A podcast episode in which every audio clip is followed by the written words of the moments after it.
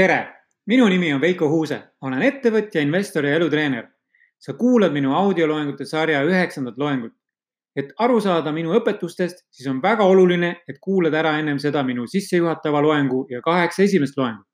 see on oluline, et minu õpetused sulle kohale jõuaksid ja nendest midagi õpiksid. selles loengus räägin edukast müügist ja esitluse tegemisest. usun, et paljud on kuulnud ütlemisest, et kogu elu sa tegeled enesemüügiga mõni arvab, et see on prostitutsioon, aga ei, selle all me ei mõtle seda. kuigi see tegevus on ka väga tulus mõnele, oleneb, mis koht tal kõige paremini töötab, kas aju või midagi muud. enesemüük on juba see, kui sa tahad näiteks koolis silma paista ja olla populaarne, siis juba tegeled enda müügiga. kui sa lähed töövestlusele, tegeled sa enda müügiga. kui oled palgatööl või ettevõtte omanik, sa tegeled teenuste, toodete või ettevõtte väärtuste müügiga.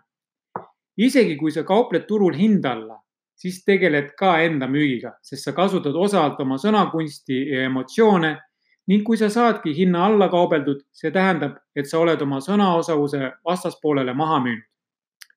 elus me müüme oma välimust, riietust, kõnekunsti, teadmisi, oskusi, emotsioone, keha, tooteid, teenuseid, väärtusi, lootust, usku, valesid, tõde, unistusi, teisi inimesi. oih, teisi inimesi, mis mõttes? just me müüme ka teisi inimesi. nimelt, kui su sõber või tuttav küsib, et kas sul on keegi, kes otsib tööd sellele ametikohale. kui sul ongi keegi, siis sa soovitad teda sellele tuttavale ehk sa teed teise isiku müüki. soovitus on kaudne müük. pidage meeles üks ja ainus reegel müügis. ja see reegel on, et sa müüd alati ennast, mitte toodet või teenust. jäta see meelde.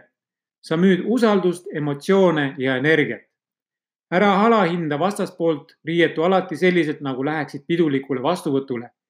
isegi kui sa lähed oma tuttavale midagi müüma.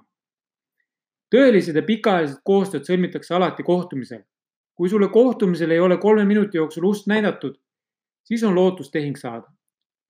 nüüd edasi sõltub juba sinu teadmistest ja kogemustest. eduka müügi tagab, kui sa oled positiivne, oled ise toote-teenuse tarbija oskad välja tuua toote-teenuse tarbimisest tekkinud kasu sulle ja usud tootesse. kui sa said tehingud tehtud, siis sellega ei ole sinu müük lõppenud. sinu töö on viiskümmend protsenti tehtud. teine viiskümmend protsenti on kliendi hoidmine ja järelmüük ehk follow-up. seda ma õpetan oma teistes treeningutes kunagi. ma toon sulle elust ühe näite. mulle tuldi kunagi pakkuma kaalulangetustoodet. naisterahvas nägi väga, väga kena välja, hoolitsetud aga ise oli väga ülekaaluline. jutu käigus ta väitis, et tunneb toodet, ta on kauaaegne müügiinimene ja see toode töötab väga hästi. küsin, et kui kaua ta on toodet tarbinud ja millise tulemuse see on talle andnud, siis naine punastas ja ta jutt katkes. ta vabandas, et ta ei ole veel jõudnud ise kasutama hakata. ütlesin, et tule siis kolme kuu pärast tagasi, kui oled kolm kuud ise seda tarbinud ja räägime siis uuesti. teda ma ei näinud enam kunagi kui sul tuleb teha esitlus laval suurele auditooriumile, siis selleks ma annan sulle parima tegevuskava edukaks müügiks. lühike, konkreetne esitlus on parim esitlus. mind on aidanud kolme reegel. reklaamlause kolm sõna. lavale astudes pead publiku võluma kolme sekundiga. esitlus mitte pikem kui kolm minutit ja peale esitlust tehingut sõlmida kolme tunni jooksul. Veiko Uuse kolme reegel, kolm pluss kolm pluss kolm pluss kolm räägin, kuidas efektset kolme minuti esitlust teha. kõigepealt pead teadma, millises ruumis sa esitluse teed. kui sa ei saa ise ennem kohta üle vaadata, siis palu pilt ja plaan saata ruumist. seda on vaja selleks, et sa samastud ruumiga ja saad oma esitluse mõttes läbi mängida. kui kuulaja näeb, et sa oleks nagu varem selles ruumis olnud, et sa tead, kuidas liikuda, siis see juba tekitab usalduse ja näid professionaalsena välja kui lava on suur, siis tuleb sul edasi-tagasi käia ja laval liikuda nii, et saalis istuja saab sinuga silmside ja kontakti ning et sa saaksid kõigile sõnumi edastada. väike lava eeldab rohkem kehakeelt ja elavamat miimikat. oma esitluses kasuta positiivset ja enesekindlat sõnavara. kindlasti on ka esitluses negatiivseid sõnu, aga püüa alati positiivsete ja enesekindlate sõnadega alustada ja lõpetada ning hoiduda negatiivsetest sõnadest samuti hoidu ebakindlatest väljenditest. ma toon siin mõned näited. positiivsed sõnad on uus, elav, jõuline, värske, kiire, nüüd, lihtne. negatiivsed sõnad on madal, hirmul, õnnetu, häbi, nõrk. ebakindlad väljendid, ma usun, ma eeldan, võib-olla, umbes niimoodi, me vahest. enesekindlad väljendid, ma tean, me peame, ma kavatsen, meil on aeg, võin kinnitada, et. esitluse alustamisel tuleb luua turvatunne kuulajale. kõigepealt tutvusta, millest tuleb jutt, siis sõnasta teema ja kolmandaks, korda seda, mida ütlesid. esitlus tuleb üles ehitada nii. lugu, tegevus, tulemus, sinu kontaktid. kordan, lugu, tegevus, tulemus, sinu kontaktid. Slaidi esitlus ei tohi olla pikk.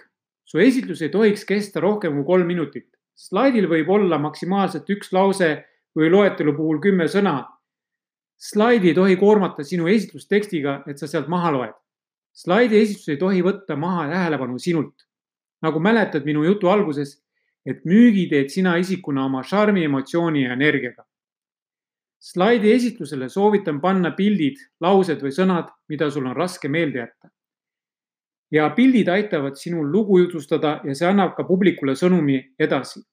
näiteks kui teed uue automudeli esitlust siis pane slaidile ainult autopildi, ei midagi muud.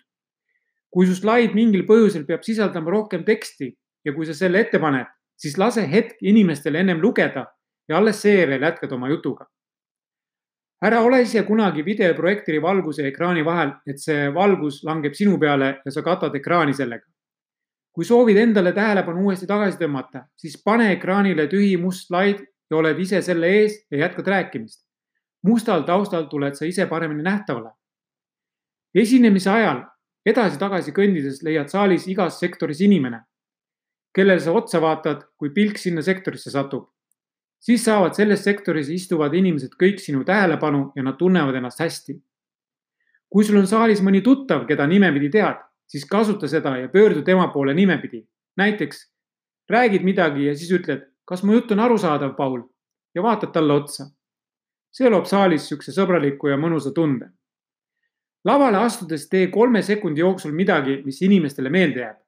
näiteks, kui tead eelinfo põhjal, et saalis on rohkem mehi kui naisi ja siis oled naine, siis lavale astudes võid öelda, vau, kui palju ilusaid mehi siin täna on ja jätkad.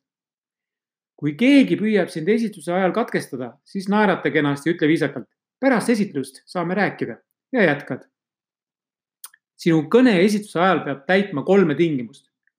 kuulajaid puudutama, õpetama ja lõbustama. kordan üle olulise. müügil müüd ennast, mitte toodet ega teenust. riieta alati pidulikult, naerata. esitlus kolm minutit, lugu, tegevus, tulemus. usun, et see loeng aitas sind mõista edukat müüki ja esitluse ülesehitust. tänan sind, et kuulasid mind.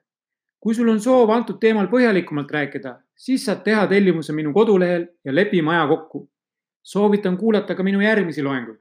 olgem positiivsed ja otsustage oma peaga. peatse kuulmiseni